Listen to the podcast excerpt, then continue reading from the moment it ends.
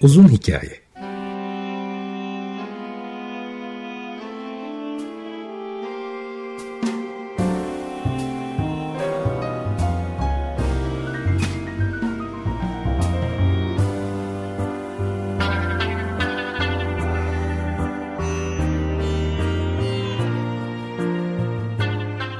Hazırlayan ve sunan Muzaffer Çorlu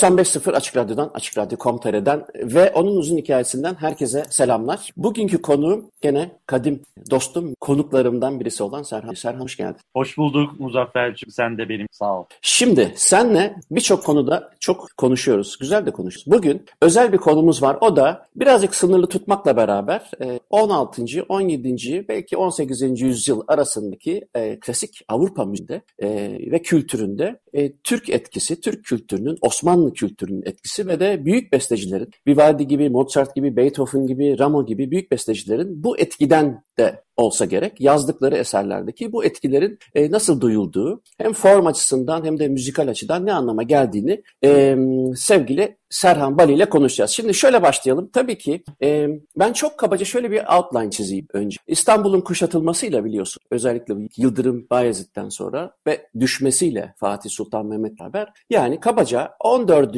15. yüzyılda başlayan çok ciddi Türk korkusu Avrupa. Yenilmez olmaları gereği, her savaşı kazanıyor olmaları gereği. E, bu korku uzunca bir yüzyıl sürdükten sonra e, ve en sonda işte Kanuni'nin Mohaç'la beraber Belgrad, Macaristan'ın düşmesiyle beraber tam bir e, paniğe yol açtıktan sonra Viyana kuşatması ve sonrasındaki yenilgilerle o korkunun geçtiği yerine bir sempatinin hatta Türk modasının doğduğundan bahsedebiliriz. Şimdi bizim bugünkü konuşmamız o korkuyu içermeyecek çünkü e, Viyana'da daha önce de e, Fransa saraylarında da kullanılan elementlerin, Türk müziği elementlerin aslında o korku geçtikten sonra yani şu meşhur kurasanın ay şeklini almasından sonraki dönemi e, kapsayacak aşağı yukarı. Değil mi? Nasıl başlayalım şimdi? E, ama o tabii o korkudan ben yeri geldiğinde bahsetmek isterim. Çünkü tamtamların, köstlerin ve dolayısıyla mehteranın e, çıkışında da o korkuyu birazcık yayma niyeti var. İstersen e, sen bu çerçevede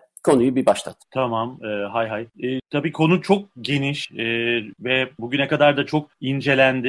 E, ortaya çok zengin bir külliyat çıktı. E, ben yani ulaşabildiğim kadarıyla söyleyeyim. Hakikaten göz korku ki her gün yeni bir şey keşfediyorum. Benim de özellikle ilgilendiğim bir alan. Yani e, biraz önce sen çok güzel işte çerçevesi. Önce korkuyla başlayıp daha sonra e, ilgi çekici, egzotik bir e, kültürel fenomene dönüşen ve Avrupa'nın işte değişik yerlerinde değişimler alan Türköri veya Allaturka diye bu e, modanın müzikteki özellik yani de konumuz olan müzikteki tezahürleri e, inanılmaz yoğun olmuş ve biz bunların gerçekten buzdağının tepesinin e, ucunu biliyoruz yani o kadar. Biz derken hani özellikle Türkiye'de bu işin evet. e, yüzyıllar önce muhatabı olmuş ve hala aslında olması gereken bizler ki ona da daha sonra müsaadenle değinmek tabii, nasıl tabii. muhatap olabiliriz ve niye olamıyoruz? Ee, şimdi benim e, erişebildiğim, e, bulabildiğim kaynaklar aslında e, özellikle iki coğrafyada e, müzik anlamında bu işin çok yoğunlaştığını, e, bu Türk akım, Türk etkinin çok yoğunlaştığını Muzaffer. Bir tanesi Fransa, e, diğeri de e, Avusturya. Malum işte Avusturya e, etki faktörünü sen biraz önce söyledin. Bu 1683 hakikaten çok e,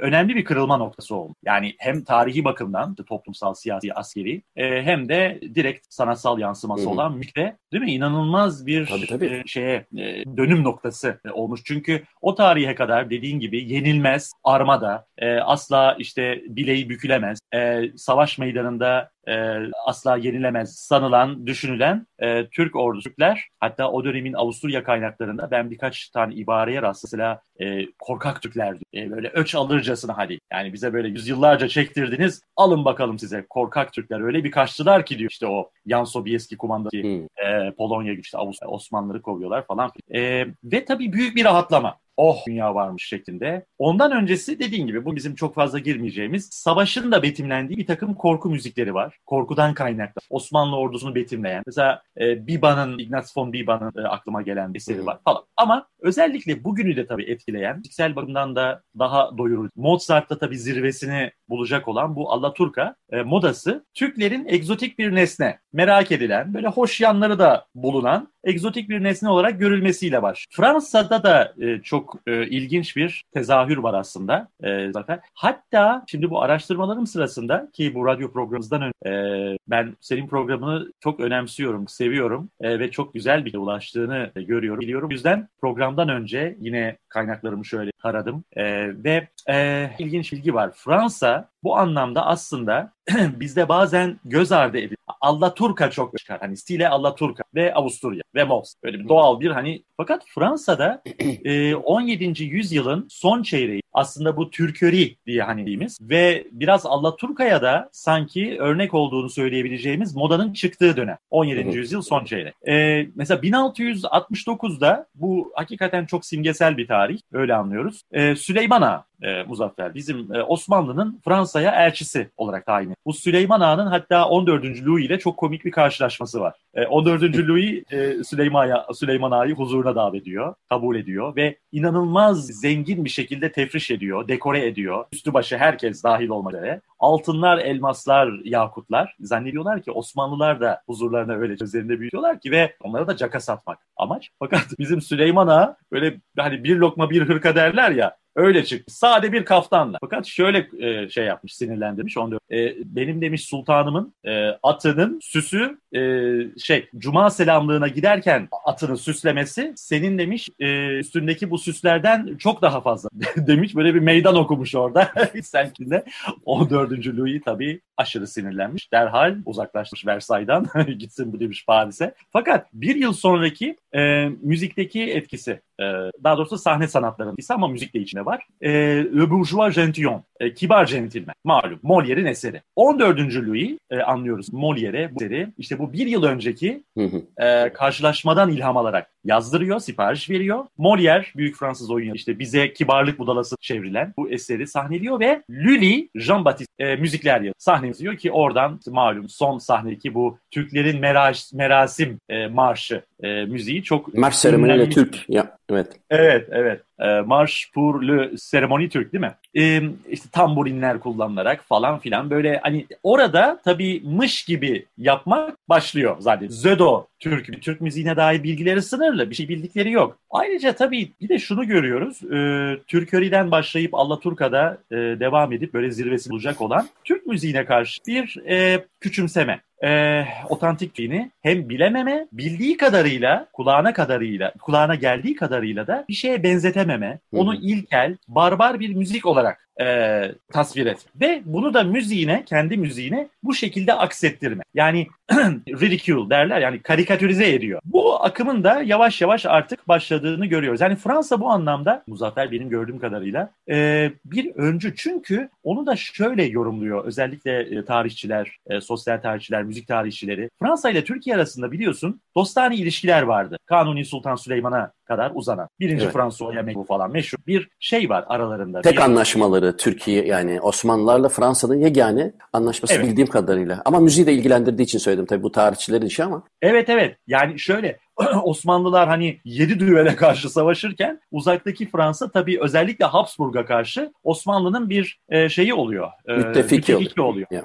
Evet. Aralarında böyle bir alyans oluyor ve Fransızlar Osmanlılara karşı aslında genellikle hoşgörülü. Dolayısıyla buradan tabii rahmetli Metin Andın da kulakları çınladı. E, e, daha doğrusu Allah rahmet eylesin diyelim e, rahmetimize. Gönlü Yüce Türk diye e, Metin And çok böyle e, hani markalaş, markalaştırmış bir anlamda böyle cımbızlamış. Hı hı. Ali Cenap Türk, gönlü yüce Türk. Fransa'da bu akım çıktı. Fransızların çünkü bir nefreti yok ya hani bir öfkesi, düşmanlığı, korkusu yok ya Türklere karşı. Orada 17. yüzyılın son çeyreğinden itibaren işte bir Lülü ile e, Ramo. Campra, Ramo ve Ramo Zaten o demin söylediğin e, Ali Cenap Türk ile La Türk Généreux var mesela değil mi? Yani evet. Ramo'nun zaten tam da bunu anlatıyor Aynen. herhalde. Tam da bunu anlatıyor. Ramo hani gerçekten biraz önce dedim ya markalaştır. Aslında yani Ramo bu Ali Cenap Türk, Gönlü Yüce Türk'ü markalaştıran e, besteci. Onun işte meşhur Lezen Galant, e, kibar, zarif yerliler, Hindistanlar diye herhalde bilir. Yani değil mi? Bir, biraz yeah. çevresi tuhaf oluyor. Ee, evet. Orada son sah şey ilk sahne değil mi? İlk sahne diyorsam. Evet, Gal Galant'lık sahne. Le Türk Jönörü Gönlü Yüce Türk e, olarak e, Ramo tarafından şey yapıldı, isimlendirmiştir. Ve orada işte orada karşımıza Türk'ün, Türk tipolojisinin e, müzikte yüzyıllar boyu karşımıza çıkacak halini. O da nedir? E, neticede korkulan, tabii her türlü böyle istibdata e, meyleden, despotik, barbar, e, insan haklarını ayaklar altına alan, Batılılara karşı öfkeli, onlara düşmanca davranan, onları işte haremine kapatan Türk sonunda âli gösteriyor ve Batılıları, Hristiyanları affediyor ve onları yurtlarına geri yolluyor. Böyle bir e, izlek. Yani bu hakikaten Ramo'dan itibaren 1735 diye yanılmıyorsam 18 yılın işte şeyle diyelim. Aa, oradan geliyor ve e, Mozart'ın saraydan kız kaçında hakikaten aynı bu haremden kurtarma tabii, tabii. şeyi bu. Biliyorsun. Ama tabii orada da e, Selim Paşa hani biraz da affediyor. Hani gene orada Ali cenaplık yapıyor. Yani son başında tabii ki işte Konstanze'nin kaçırılması var. E, ama yani sonuçta gene de hani onu affeden, aşkına karşılık bulamayan Selim Paşa'nın da e, hakkı teslim edilir. Ama o Redikül karakteri de Osmim'le ya da işte Türkçe'de Osman evet. herhalde e, evet. illa o figürü oraya koymadan da edemez yani e, librettoyu yazan. Çok doğru söyledin. Onu oraya koymadan da edemiyor. Yok. Çünkü... O da illaki bir Türk sosudur yani. Osman, Osmin, Ozmin namı diğer hakikaten e, Batı müziğindeki Türk tipolojisine verilebilecek en komik yani o dönemin tabii şartında daha komik e, çok stereotip yani stereotip bir karakter. Türkleri öyle resmet özellikle Türklerin yani Türklere izafe ettikleri o bütün olumsuz kavramları temsil etmesini düşünmüşler Ozmin'in ve Ozmin de hakikaten e, bunu mükemmel biçimde e, yerine getiriyor. Ama ne kadar güzel bas aryaları var onun da. E, özellikle ben şu Viva Bacchus'u çok beğeniyorum. Şeye şeyi de söylemek istiyorum. Mesela bu e, Şimdi tabii e, o ridicule karakter ya da komik karakterin aslında bir psikodinamik e, tarafı var. O da şu, e, uzunca süre korkulan bir fenomen. Bu bir imge olabilir, bu bir fikir olabilir. Korkulmaktan, korkudan uzaklaşıldıktan sonra e, artık e, hani kedinin fareyle oynadığı hale gelir. Yani e, korkulmayan bir şeyde birazcık sempatiklik ve de eğer geçmişte bir korku, korku da varsa onunla yüzleştikten sonra biraz böyle bir şey de vardır. Bir cesaret gelir. Hani bu iki kadeh içmiş fare der ya o, o kedi buraya gelecek moduna girer yani psikodinamik olarak. Şimdi aslında 14. yüzyıla ben baktım sen de program yapmadan önce hani bir kaynak hatası olmasın diye çok şaşırdığım bir şey öğrendim. E, bu Bayezid ve Fatih Sultan Mehmet'le beraber yani İstanbul'un önce kuştu sonra düşmesiyle beraber ve kaybedilmeyen savaşlardan sonra Türk korkusuyla ilgili ya da Osmanlı korkusuyla ilgili kaç kitap yazılmış biliyor musun? Konu bu. Konu Türk korkusu. 2500. Aha, yani matbaayı yeni buldun yani. 2000, 2500 tane kitap bu konuyu inceliyor ve ilginçtir. Biraz önce de söylediğin yere gelene kadar yani korkunun geçmeye başladığı andan itibaren ise daha rasyonel kitaplar yazılmaya başlamış. Onlar kim? Machiavelli, e, Erasmus gibi büyük düşünürler diyor ki Montesquieu. Ne diyor ama bunlar? Ya bu Türkler veba gibi ya da Tanrı'nın bir cezası olarak bizi e, öldüren tipler değillerdir. Bunları biz ancak akıllıca yöntemlerle, e, rasyonel yöntemlerle yenebiliriz. Yani artık düşün yani bir 100 yıl, 200 yıl kadar e, korkulan ve e, çok daha böyle bir e, Tanrı'nın gazabı gibi görülen şeye sonra akılcı mektuplar, kitaplar yazılarak e, bir çare bulunmaya başladı. Dolayısıyla hem bir yandan e, haremine hapseden, saraydan kız kaçırmada olduğu gibi ya da Ramon'un e, Lezan Galant'ında olduğu gibi hem bir yandan kaçıran ama bir yandan anda e, içine e, artık değişmiş olan Türk algısıyla beraber e, hem o hoşgörüyü hem de biraz redikül e, karakteri e, koymak mümkün olmuyor. Şeye e, bir sözünü kestim bir yerde. Onu o, lütfen tamamla bir şey soracağım. Yok o kadar güzel bir e, müdahalede bulundun ki bu beni hep düşündüren bir konu. E, neden e, bu bu şekilde ve Selim Paşa'daki bu Ali cenaplık e, ve sen onu o psikoterapi dedin işte başta onu psikolog gözüyle çok güzel değerlen. Yani başta korkulan düşman olarak addedilenin daha sonra içinde bir takım e, humaniteryen e, elemanlar bulunması, aydınlanmanın tezahürlerinin o Ali Cenap Türkiye yerleştirilmeye çalışılması. Mesela bu çok ilginç gelmiştir bana. E, neticede işte bir kar- karikatürize edilen bir tip var. Ozmin bir dediğim gibi işte Selim Paşa karakterinde yüceltilen aslında yani Türk böyle olmalıdır. Türk böyle olmalıydı şeklinde mi? Yoksa kendi e, kültürüne, toplumuna bir mesaj verme gayesi. Mesela Voltaire'de de bunu biraz görüyoruz. Voltaire Evet. ahlaken e, kendi toplumuna çok biliyorsun e, zehirli oklar yönlendiriyor ve e, aslında son derece düşmanı, Osmanlı düşmanı e, aydınlanma filosu ama e, bu Zahira diye yazdığı bir mesela şey var. Onun Oradan da sayıda eser oldu. E, onda da görüyoruz mesela yani e, orada da bir âli cenaplık seviyesine yükseltme var fakat bir mesaj verme kaygısıyla olduğunu düşünebiliriz kendi toplumuna. Hı hı hı. Önce Muzaffer, Yıldırım Bayezid dedin ya. Evet. Çok istersen onunla ilgili de iki e, Tabii, tabii, lütfen. edelim. Çünkü şimdi e, bu Alaturka imgesi tabii Türköri'den e, kaynaklı diyelim. Türköri'den işte Avusturya'ya transfer olmuş Alaturka. Başlangıçta komedi e, ögelerine e, çok yer veren bir e, tarz. Zaten Fransa'da da ortaya çıktığında bunun özellikle bu komediler oynanan, farslar, vaudeviller oynanan Paris fuarlarında ortaya çıktığını. İşte e, Saint Laurent, Saint Germain o günün 18. yüzyıl başı e, Paris fuarlarında oynanan vaudevillerde bu tip böyle e, Türkleri karikatürize eden işte bu kibarlık budalası tarzı e, oyunların çok oynandığını görüyoruz. Şimdi bir damar bu. Bir diğer damar da hatta ben burada bir ikili anlayışı e, şey yaptım kaynaklarda e, gözlemledim. Bir damar komedi olarak akarken diğer damar da trajedi olarak akıyor. Fransa'da da özellikle de Fransa'da var ama özellikle Avusturya ve Venedik kaynaklı oyunlarda Türklerle daha trajik, daha trajediye dayalı bir ilişkileri var ya. Ölüm, kan, acı, ter, gözyaşı. Orada mesela Bayezid imgesinin daha fazla işlendiğini de e, görüyoruz. E, tabii. İtalyan operasında. Vivaldi'nin değil mi? Direkt zaten e, Bejazet operası? Bayezid. Tabii. Heh, direkt Bayezid. Kara Mustafa Aynen. o Viyana kuşatmasında e, ikincisinde e, Kara Mustafa'nın suitine rastladım. Hiç duymuş muydun? Operası var. Tabii. Kara Mustafa operası var. Suitiyle Hatta başlamış, aynı, hemen opera aynı yapıyor. tarihlerde. Hı hı. Hani diyorum şeyden e, kuşatmadan sonra mı o öyle çok Evet, evet. çağdaş çok ilginç bir örnektir o evet. Kara Mustafa. Evet. E, Bayezid'in Timur Lenk ile olan işte karşılaşması, zehir içmesi, o trajedi o kadar etkili ki onları. Yani doğuya dair bu tip şeyler de e, Batılı'nın bu kafasında, e, zihninde çok muazzam etkilere e, yol açmış. Bir de öyle bir damar ilerlemiş. E, tabii. Şimdi tabii Viyana'nın ve Venedik'in Osmanlılardan etkilenişi muhtemelen e, Fransızlardan farklı çünkü e, savaştılar e, fazlasıyla. E, Otranto'lu, e, Otranto'da olup bitenleri düşünürsen yani girdi Osmanlı oraya. Kısa da sürse İtalya'da e, o Otranto kalesini ele geçirdi. E, ya da işte Artı Viyana'da... papalık tabii papalığın E, tabii.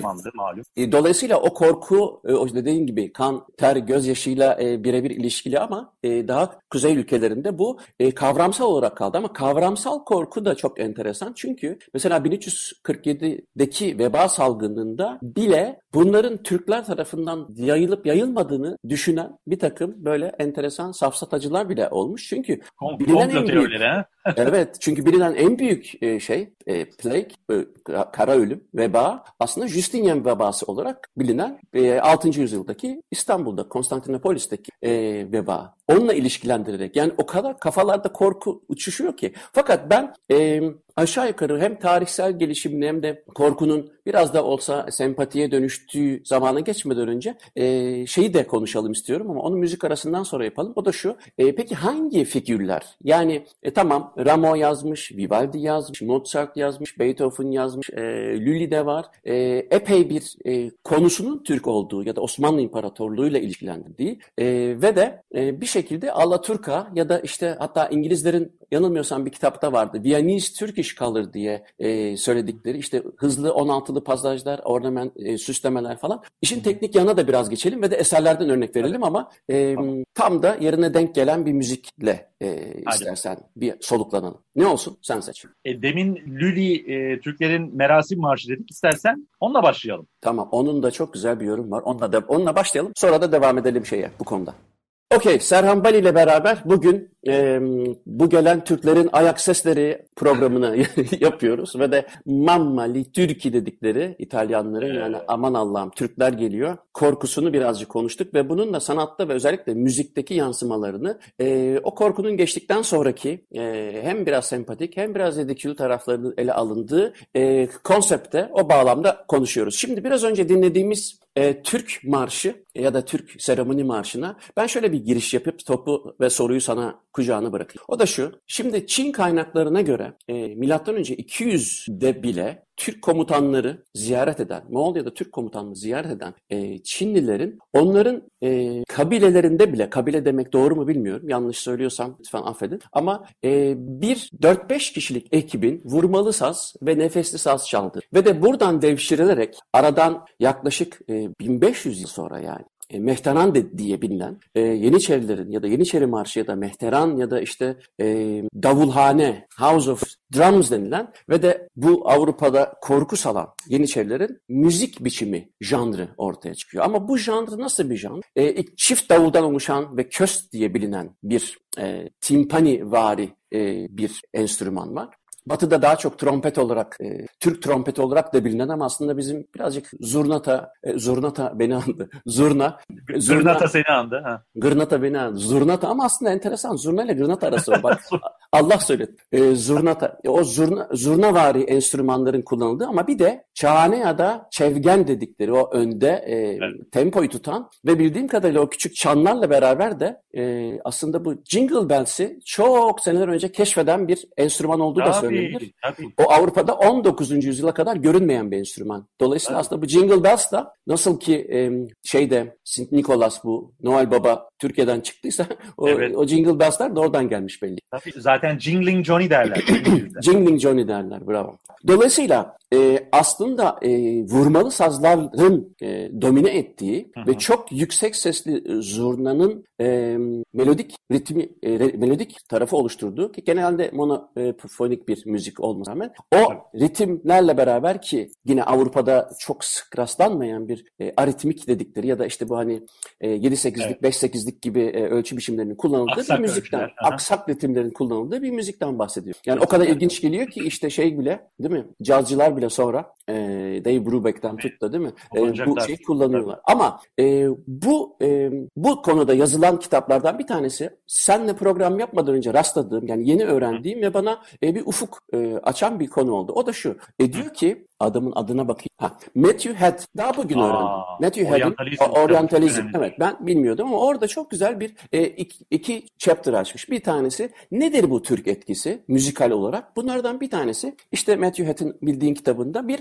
e, tür, Türk elementlerinin olduğu ki ona işte e, Türk işe müzik, müzik dedikleri bir e, konu. Diğeri de Alla Turka. Bunu birbirinden ayırmış. Alla Turka'dan kasıt daha çok Mozart'la beraber Viyana klasiklerinin e, özdeşleştirildiği ve ritmik, Doğru. melodik e, ve ornamentasyon özelliklerini taşıyan ama kısa süren bir konu. Ama Türkçe müzik dediği ise bu işte biraz önce bahsettiğim Yeniçerilerin kullandığı Mehteran Marşı'nın dolayısıyla vurmaların öne çıktığı ve 17. yüzyıldan itibaren yani Allaturka'dan daha önce Avrupa'daki müziğe etkilerinin olduğu bir janrdan bahsediyor. Dolayısıyla bu e, bu her iki perspektiften bakarak dilersen e, bu bizim işte artık şeye girelim. Yani 17. Tamam. yüzyılla beraber Türk müziğinin etkilerine girelim. Tamam. Matthew Head tabii e, çok önemli e, zikrettiğim kitabı. E, ve orada evet çok önemli bir ayrıma e, dikkat çekmiş. Birini otantik müzik yani Batı'yı etkileyen e, evet. e, işte Osmanlı'nın Türk'ün otantik mehter müziği, mehter, mehteran e, takımlarının. Diğerinde Allaturka e, stili efekti olarak. Evet, aynen. Stile alla Turka diye. Ve dediği gibi e, aslında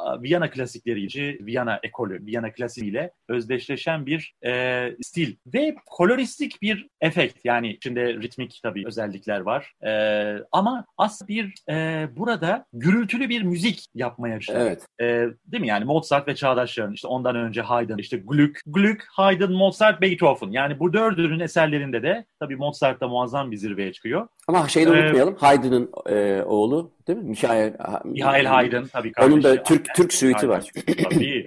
Kardeş. E, Mozart'ın örnek aldığı malum. E, şimdi burada gerçekten e, Matthew Head'in yine söylediği gibi Türk etkisini kullanıldığı kesitler konusu. Yani eserlerini baştan sona Türk müziği olarak yapmıyorlar. Hani bazen böyle bir yanlış algılamaya da sebep oluyor. İşte saraydan kız kaçırma Türk operasıdır. Tamam içerik olarak konu, tema, karakterler, e, mekan Türk, Türkiye ama e, Türk müziğinin kullanıldığı yerler sınırlı. Mozart'ın kendisi zaten mesela babasına yazdığı mektupta onun çok e, ünlü mektuplarından biridir. Birkaç mektup yazmıştır ve bir eseri üzerine en fazla belki e, mürekkep akıttığı mektuplardır. Saraydan kız kaçırmayı çok detaylı anlatmış babası. Diyor ki orada e, baba diyor işte saraydan kız kaçırmaya başladım. işte başlıyorum ve Türk müziğini de e, üç yerde kullanacağım diyor. Bak Allah Turka müziği. Uvertür, birinci perde Yeniçeriler korosu ve e, son perde Final. finaldeki koro. Evet. Burada diyor Allah Turka müzik yapacağım. Yani işte biraz önce senin de söylediğin gibi e, o aksak ritimleri içeren daha doğrusu bir takım böyle e, küçük motiflerin, notaların e, repetisyonuna, tekrarına dayalı. Çünkü bunu da aslında şuradan hareketle yapmışlar. Ki doğuyu ziyaret eden seyyahlar var. Biliyorsun yüzyıllarca seyahat etmişler. Seyyahlar sonra gelmişler işte izlenimlerini yazmış. Onların söylediği bir şey var. Türklerin müziyorlar çok tekrarlı, çok monocu, armonik zenginlik, renk yok şeklinde bir genel algı var. Ee, Charles Fonton'un, Charles Fonton'un kitabında da zannediyorum ona benzer panbas ibareler var. Buradan yola çıkarak ha Türk müziği tek düzedir, işte e, monofoniktir, e, tek sesli, e, tekrarlara dayalıdır, e, gürültülüdür, perküsiftir şeklindeki algıyı stilize ediyorlar. Zaten Hani gürültülü gürültü ediyorlar. ve gürültülü ve invasif ve e, işte böyle kafanı kakar gibi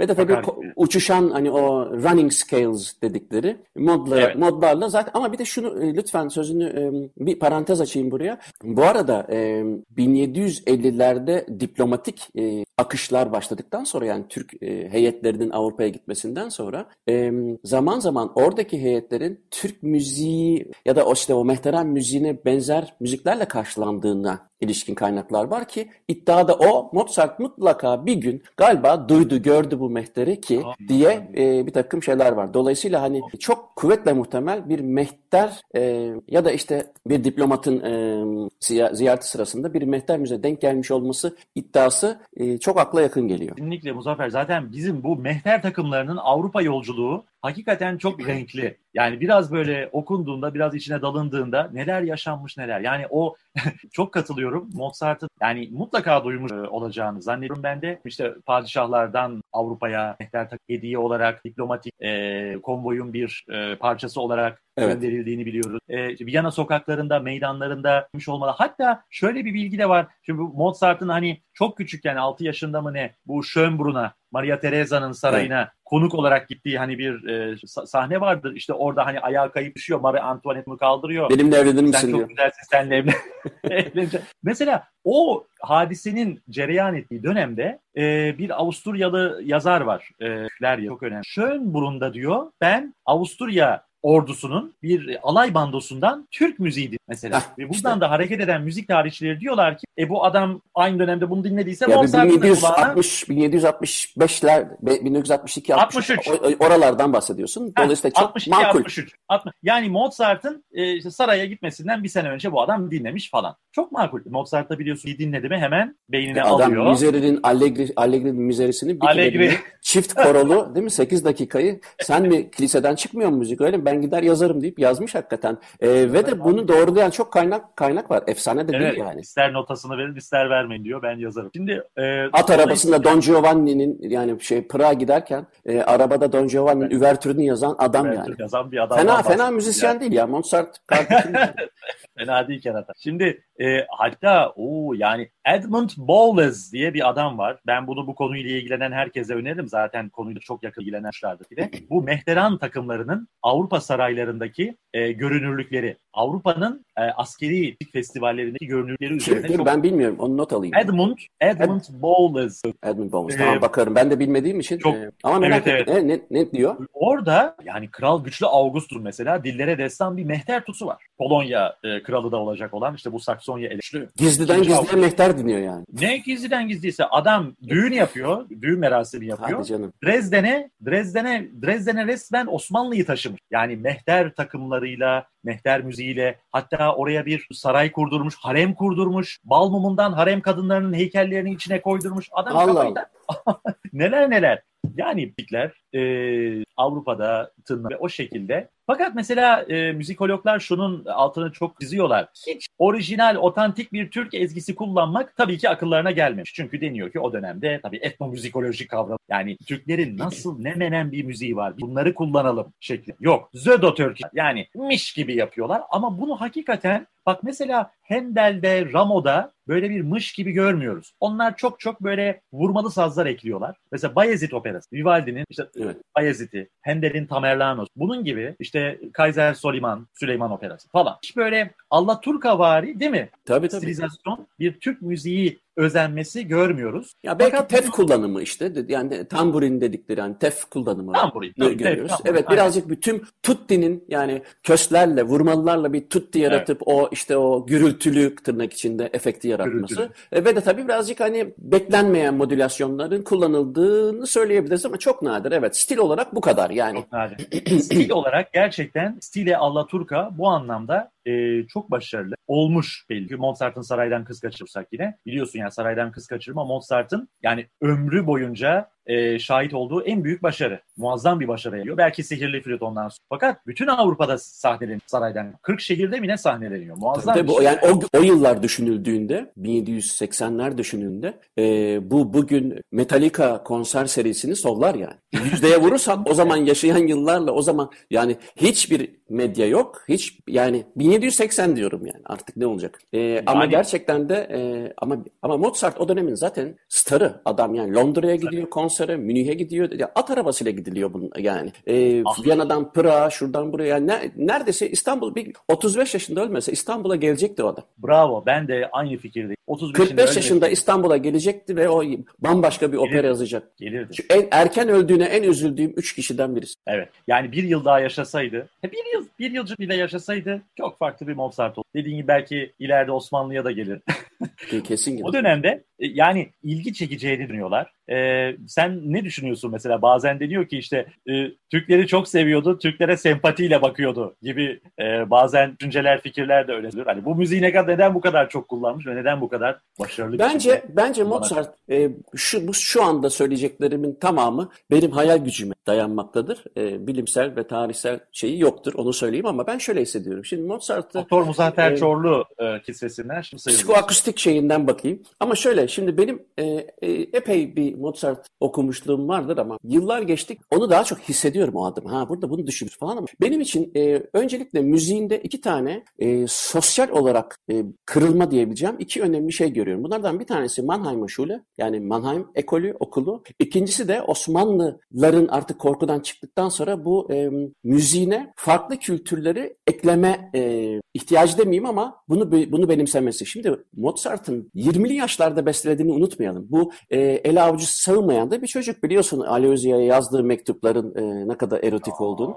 E, dolayısıyla bu e, bence bu müziği kesin ilginç buldu bana göre. Çünkü Mozart çok sıkılgan birisi. E, yani fagot konçertosu, keman konçertosu yani nasıl olduysa bir violonsel konçertosu yazmış. Ya. Ama e, flüt konçertosu, obua konçertosu yeni ne bulsa tam ölümünün son yıllarına denk gelen klarneti duyar Klarnet duymaz konçertosu. klarnet konçertosu yazıyor. Dolayısıyla Mozart yeniliklere o kadar açık ki ama yeniliklere açık olmakla beraber Mozart'ın aynı zamanda o klarnetin o ilk bin, e, 1790'larda bestelediği, 1790'da sanıyorum. Klarnet 622 köhel çünkü o. 91 ölü, öldüğü yıl besliyor. Evet öyle bir şey olması lazım. Dolayısıyla ama klarnet konçertosunu dinlersen e, alelade bir şey görmüyorsa yani klarinetin inceliklerini hesaplı ya da o onun bir nefesli sazlar serenadı vardır. Grand serenad. E, 13 nefesli saz için. Bu Amadeus filminde kullanır. Evet. İnanılmaz e, her enstrümanın tınısını ve teknik yapısını çok iyi bilen birisinden bahsediyoruz. Dolayısıyla bu adam yeniliklere çok açık. Ben e, Mozart'ın hem Alaturkas'ın e, hem o 5. keman konçertosunun 3. bölümünün ortasındaki e, rondoda hem e,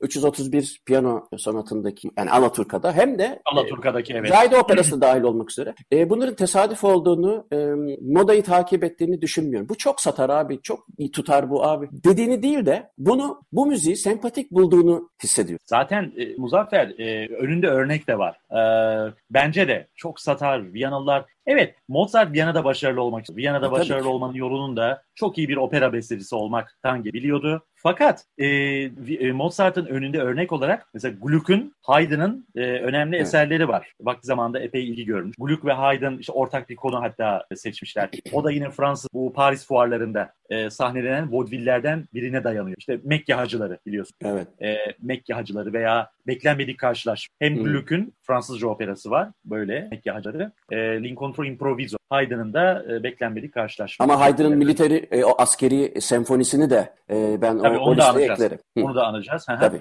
Ee, önce işte Esterhazy Sarayı'nda sonra Viyana'da sahneleniyor ve Mozart'tan hemen önce. Ee, ve bunlar büyük ilgi görüyor. Ve Mozart içinde, Mozart önünde de bunların e, önemli örnekler olarak çıktığını görüyoruz. Ki Haydn'e Ee, baba, babam dediği adamdır yani. Babam değil, baba hayır.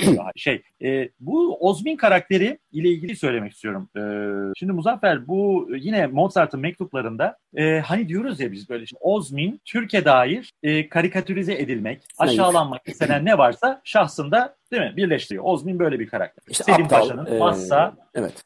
Massa padişahına köle ruhlu Heh, e, köle ruhlu, aynen. falan. Massa Zelim'in kahyası her şeyi, haremine bakıyor, bahçesine bakıyor, her şeyine bakıyor. Evet. Ve e, zaten Mozart tarafından da öyle çiz. Hani tam bir aptal, e, barbar, Hristiyan batılı düşmanı e, şekli. Fakat babasına yazdığı mektuplarda e, çok ilginç bir detay görüyor. Ben bunun müziğini yazarken diyor, Ozmi yazarken, çirkin olamaz. E, evet gürültülü olacak ama komik olmak zor. Çünkü burada da klasik dönemin yine temel estetiklerinden birini görüyoruz. Klasik dönem biliyoruz ki e, dinleyenleri aslında e, dinleyenlere keyif vermeli. E, bir takım işte kötü akorlar veya işte olumsuz çağrışımlara yol açabilecek e, duygulara yol açmalı. Mozart bunlardan hep itina ediyor. Ozmi'nin müziğini onun ne zaman kötü özelliklerini ben vurgulamak istesem hemen güldürüye başvuruyorum diyor ve burada da işte Türk müziğine e, başlıyor. Allah Turka e, efekti Ozmi'nin müziğinde işte o Viva Bakus'ta veya işte birinci perde e, aryası. Ne zaman Ozmi bu şekilde böyle tuhaf anti-batı tavırlarıyla sahneye çıksa ona o güldürü dozunu arttıran ama çirkinliğini işte bu şekilde yumuşatan Türk müziği eşliği. Bu da ilginç bir Hı hı. özelliği Alaturka Hı stilin. hı. Tabii Muzaffer, e, ö-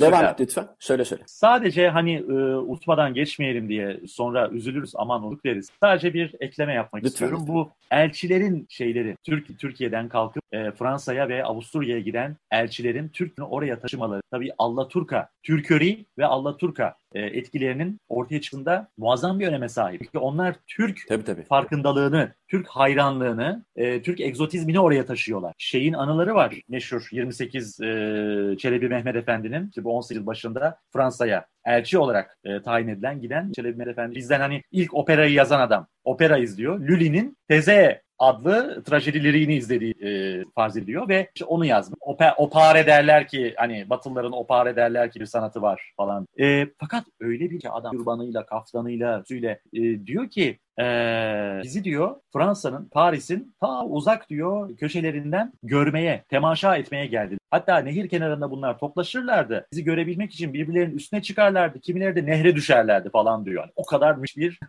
ilgi ve merak. İşte bunun tabii müziğe yansımalarından bahsediyor şu an. Şimdi bu e, Mehteran takımında belki buradan Haydn'a bağlar, bağlayabiliriz. Sen Bağlayalım. lütfen devam et.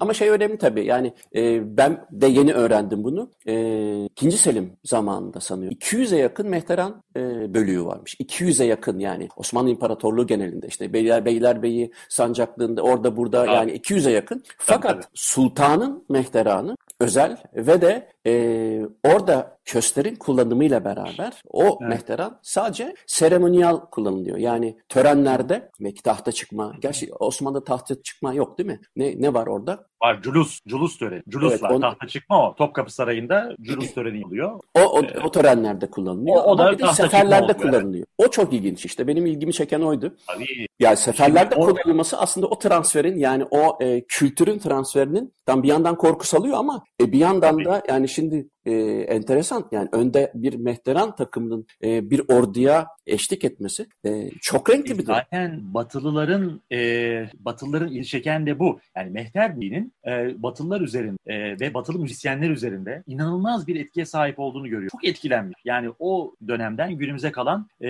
bütün işte yazılı belgeler bunu anlatır. E, ikinci Viyana kuşatma 1683. Oradan mesela aktarılanlar var. Biraz önce gibi birden fazla mehteran, e, mehter takımı bütün işte o Viyana surlarının çevresine yerleştirilmiş. İşte Vezir-i Azam'ın mehteranı, işte beyler beylerinin mehteranı, beyler beyleri gibi kulu ağları, beyler beyleri. Onların da mehteranları hep birden böyle bir korkunç bir uğultu şeklinde düşünebiliyor musun? Kösler, zurnalar, e, inanılmaz bir uğultu şeklinde hem işte genişlere e, moral şek hem de düşmana korku salıyor. E, tabii 1683 elbettesi de var. E, bu işte müziğin e, daha sonra bütün bu Avrupa saraylarında bu yönüyle e, ele alındı e, ve saraylara monte edildiğini görüyor. Çok ilginç. Mesela Büyük Frederick'in Prusya kralı meşhur Büyük Frederick de çok sevdiğim asker e, ve sarayında bir e, mehter takımı ihdas ettiğini. Mesela Rusya'da da varmış. Pek çok İngiltere'de, Almanya'da. Kadrolu müzisyen bunlar. Yani. Tabii canım kadrolu müzisyen. Yani bizzat Prusya e, ordusunda bir mehter takımı var. Adam kendi askerlerinden mehter takımı oluşturmuş. Hatta bizimkilerden biri gitmiş bunu dinlemiş. Şimdi ismini unut bizden bir e, Osmanlı aydınıydı herhalde. Veya Elçi, Elçi Elçi. E, Ahmet Resmi Efendi veya, veya Hat Efendi. ikisinden biri. Gidiyor ve Büyük Frederick'in bu mehter takımını diyor. Fakat yok diyor olmamış. bu diyor bizdeki mehter takımının yanında çok sönük bu ritimler, tempolar olmamış. Büyük Frederick çok üzülmüş. Hemen bir transfer yap- yapsalarmış keşke. Elizabeth Rus Ama bizimkiler de biliyorsun Dede Efendi'den önce e, e, Avrupa'dan az müzisyen gelmemiş. Hani o Dede Efendi'nin yine bir Gül Nihal'deki o vals tempo ritmi de değil mi? E, şeyden e, o bizdeki tabii aynen. O, o vals o da batılılaşma. Hani Frederick birinci Frederick'in e, mehter takımı nasıl olmadıysa bizim valslerde belki o kadar olmamış olabilir. Veya bizim padişahların e, piyano parçaları işte valsleri, kadrilleri falan. Hani onlar da evet, biraz evet. mış gibi işler. Evet. O tabii Osmanlı'daki batılılaşmayla birlikte özellikle ortaya çıkan bir mefhum. Evet. E, tabii hep sahne müziklerinden bahsettik değil mi? Aslında e, evet. haksız sayılmayız. Çünkü bu işin en bu Türk etki Türk öğrenin, Allah Turkan'ın en fazla göründüğü yer sahne, opera sahne. Çünkü Hatta neden? şakıyan Sahne... Türk, şarkı söyleyen Türk diye evet, bir mefhum evet, Evet, Ama e, e, sahneden niye bahsediyoruz aynı zamanda? Dekorları ve kıyafetleri düşünürsen, yani o 18. yüzyıldaki operalarda, deminden beri andığımız operalardaki kıyafetlerin designerları var ve o designerlardan sonra 1750'de Viyana'da bir Türk modasının, Türk gibi giyinmenin de e, öne çıktığını görüyoruz. Dolayısıyla sahne eserlerinden, operadan başlamak mantıklı dolayısıyla çünkü çok e, katmanlı olduğu için. Ama bir de tabii e, orkestral eserlerden de bahsedelim. Hadi onlardan da bahsedelim. Ha bu arada dekor kostüm dedin ya, e, Fransız Gerard Corbion'un çok güzel bir filmi var hani Le Roi Dans, evet. Kral Dans ediyor filminde. O Lully'nin işte bu e, kibarlık budalası e, oyununu orada 14'ü izlerken kadar kahkahalarla gülüyorlar. Başında kocaman bir sarıkla işte o e, evet. Mamamucci tayin edilen e, Monsieur Courbet'i falan canlandırıyorlar. Çok güzel bir sahnedir o da. Dediğin gibi dekor kostüm başından itibaren çok önemli olmuş. E, Hakeza Miloš Forman'ın Amadeus'un da e, Saraydan Kız Kaçırma temsilinde. Evet aynen öyle. O şekilde bütün kıyafetler Türktür. Hatta sahneye e, çıkar evet. ve yani bu Türk modasından bayağı işlerler o filmde. E, hatırlıyorsundur. Yani Tabii, Salieri'nin öğrencisi Salieri'nin karşısına evet, allı, beyazlı o, hani o da o dönem Rus asıllı Rus asıllı bir e, soprano biliyorsun. Hı-hı, o dönem e, Salieri'nin öğrencisi olan. Hakikaten evet, evet. o sahnede çıkar her şey Türk usulü artık falan diye. Katerina Cavalieri evet. Cavalieri, Türk modası duymadın mı falan şeklinde. Evet. Salieri de bütün ciddiyetiyle Ey Allah'ım yani. O sahneyi Ay, çok severim de ben.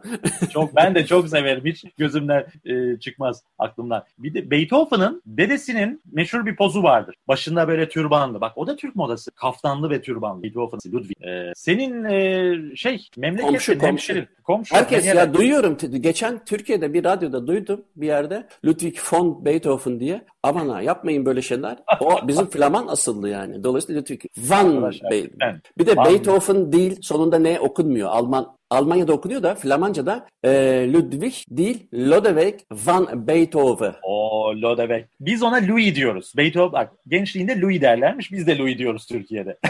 İyi hadi bak. Ama van Beethoven demek de bana ters. Yıllarca van Beethoven dedikten sonra şimdi aslında ama Flamanca okunu şöyle. Van Beethoven. Yani. Aa Flamanlar öyle okur. Ha. Peki öyle de okuruz. Tamam. Biz Türkler biliyorsun yani bu telaffuz Her türlü okuruz. Yaparız. Hadi, layıkıyla evet. okuruz. İtalyanlar gibi değilizdir. evet. Şimdi orkestral eserler zaten sen biraz önce Mozart'ın 5. keman konçertosu son bölüm. Orada işte nasıl değil mi? Şellolar ve basların o e, arşelerinin tahta kısımlarıyla e, yaptıkları efekt vardır. Spikar, Orada da evet mehter takım efekti, kollenyum malum efekt. E, asıl tabii köhel bir la majör piyanosu. Evet. O sonatta çok ilginç. Bak Muzaffer 1683-1783 kuşatmanın 100. yıl dönümü bestelenmiş. Tabii Mozart bestelerken böyle bir tasavvuru var mı? Çünkü şöyle bir e, hadise de var. Kuşatmanın 100. yıl dönümü ki e, İmparator Josef'in hükümdarlığına e, bayağı bir törenlerle kutlanmış. Hatta ikinci e, hatta İmparator Josef, e, Josef artık bu şekilde tantanayla kutlanmasına vermeyeceğim. Fakat 100. yıl dönümüne denk geliyor. Her 12 Eylül'de çünkü Viyana'da 1683'ten sonra her 12 Eylül'de bu kuşatmanın seneyi devriyesi kutlanır imiş. 1600 tam 100 yıl. İlgi. Son bölümü de malum e, Mehter ritmine öykünülerek, öykünerek Mozart'ın yazdığı çok muhteşem gerçekten değil mi? Rondo alla Turka. Al, Türk stilinde rondo. Ee, onun dışında yaşasaydı belki daha fazla yazardı. Çünkü e, Alaturka stil devam ediyordu. Beethoven'a kadar uzanacak. Haydn'ın e, Hürrem değil mi? Roxelan e, senfonisi. Evet. Ben onu dinlediğim zaman çok geçen sene seni aramıştım radyoda dinleyince. Hah, ee, evet. Hatta dedim ki gel bu konuyu seninle program yapalım. İşte bak o vasıtayla yapalım. Oradan çıktı. Çok ilginç. Doğru, evet, evet, doğru evet. hatırladım. Hürrem ben bilmiyordum. Evet. Roxelana'yı daha doğrusu e, Roxelana'nın Hürrem olduğunu bilmiyordum. Meğer bizim meşhur Hürrem'miş. Bizim derken yani. Batılı Batılı kaynaklarda evet Roxelana. Roxe, o kadar iyi çekmiş mesela Roxelana çok e, ve işte Sultan Süleyman'ın gönlünü kazanmak, onun haremine geçin çabalayan e, harem kadınları, cariyeler teması vardır. Hani bir cariyeden evet. Hristiyan kadınlarının kaçırılması teması. Evet. Bir de Batılıların çok sevdiği ikinci tema da bu. Sultanın gözüne girmeye çalış. Halbuki Batı'da tam tersi. Hükümdar kadının gözüne girmeye gönlüne çalış. Türkler söz konusu olduğunda böyle bir kurgu yapmışlar. Hükümdarın gözüne cariye. Gözde ee, yani sonuçta. Gözde tabii tabii cariye. Ee, ne diyorduk? Ha, Haydn, Roxelan, Hürrem için zannet bir şeyden almış. Charles Simon Favar'ın e, Üç Sultana, Üç Kadın Sultan diye bir e, oyunu var. Bilmiyorum. Hatta iki Süleyman diyor ama birinci Süleyman olması lazım. Ben anlamıyorum. Yani herhalde bir hata mı yaptı? Çünkü e, birinci Süleyman'ın karısı Hürrem. E, Soliman 2 ve Üç Kadın Sultan diye bir oyun. Hı. Çok iman ne kadar izlenmiş, değişik şehirlerde e, sahnelenmiş. İşte Haydn'da bundan e, aldığı ilhamla bu da Esterhaza'ya taşır. Esterhaza Sarayı'nda sahne oyun. Haydn'da müzikler yaptı. Ha, Hürrem oyununa Favar'ın Hürrem sahne müziği yazıyor ve oradan aldığı sahne senfonisinin zannediyorum ikinci bölümüne e, taşıyor. Bir de tabii militer askeri senfonisi var malum senfoni. Orada da bir Allaturt var. E, onun dışında ha şey de var. Eczacı e, operası Haydn'ın. Eczacı operasında da yine Türk motifleri e, kullanıldı. Ne dedik? Eczacı işte L'incontro Improviso, beklenmedik karşılaşma. Onun dışında herhalde bir takım minor eserler de vardır ama e, Tabii müzik tarihi da... açısından bakıldığında bu andığımız evet. e, tabii Vivaldi, Lully, Rameau, e, Haydn, e, Handel, Mozart, Beethoven e, daha ne olsun yani. Ee, Mozart Beethoven daha ne olsun o kadar muazzam bir film bırakmışlar ki ve başta söylediğim şey vardı e, bu muhatap olma Bizim bu eserlere yani tabii entelektüel seviyesi yüksek bir ülke olsaydık e, müzikte entelektüel seviye özel olsaydı olaylara bu açıdan bakabilseydi bizde maalesef çok marjinal bir kesim varlığı. Batı'da bu alanda yüzyıllarca yapılmış eserlerin Türkiye'ye taşınması, halkıyla, insanıyla bulması ve Türkiye'nin bu anlamda bir merkez olması. Benim hep öteden beri hayalini kurduğum bir. Tabii finansman lazım ama kafa lazım da. E, bu işlerin farkına varabilecek insanlarım o. Düşünsene bütün yüzyıllarca ha bizde bir ne yapıldı? Rossini'nin ikinci Mehmet'i.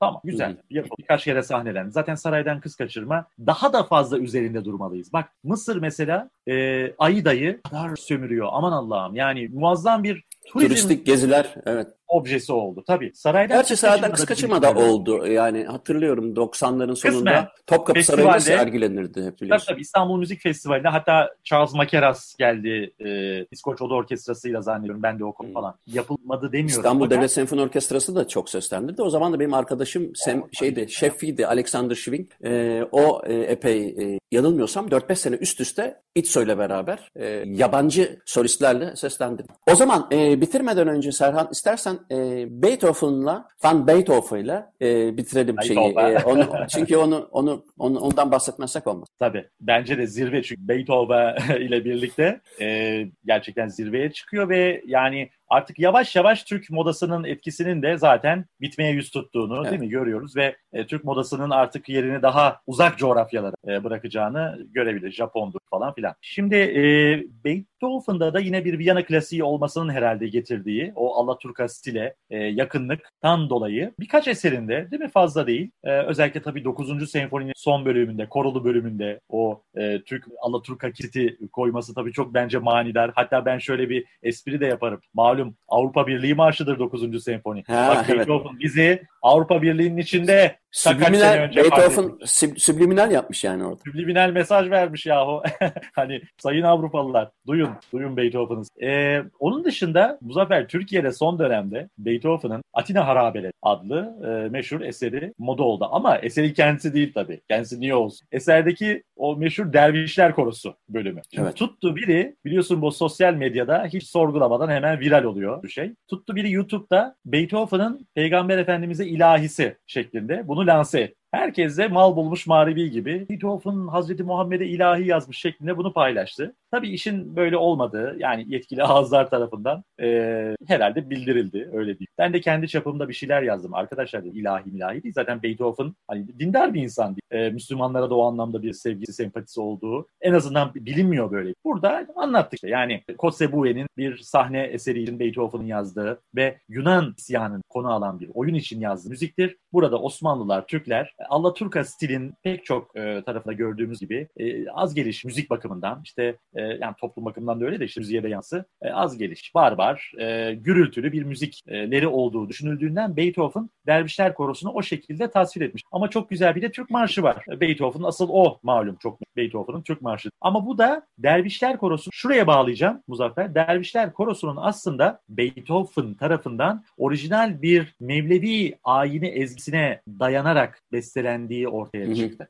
Bu da e, biliyorsun 10 yıl kadar önce aslında e, Feza Tansu vardı bizde ekolog. E, o e, 2010 yılı herhalde bu tür başkent İstanbul e, kutlamaları edikleri çerçeve çalışmalar yapıldı ve o dönemde bu lanse edildi. Hatta Toplumsal Tarih Dergisi'nde bir makale yazdı Feza. E, bir e, şey Antoine e, neydi? Loire mıydı? De, la Loire. Öyle bir gezgin 17. yüzyıl ortasında 1650'li yıllarda Osmanlı'ya gelip Mevlevi ayiniyor. Daha sonra e, notası bunun Avrupa'da bugünün tabiriyle viral oluyor diyelim. E, epey bir elden ele geç belli.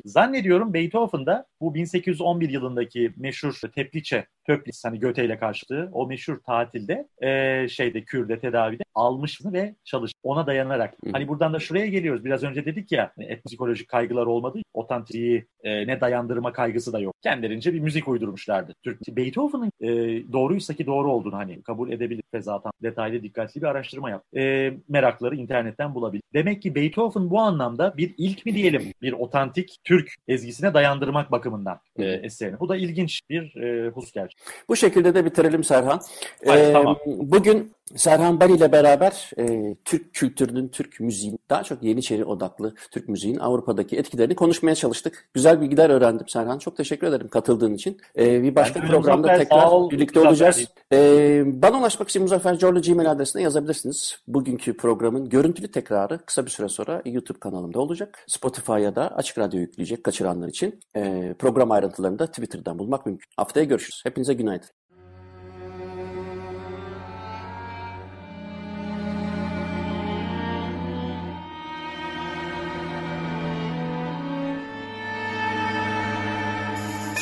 Uzun Hikaye.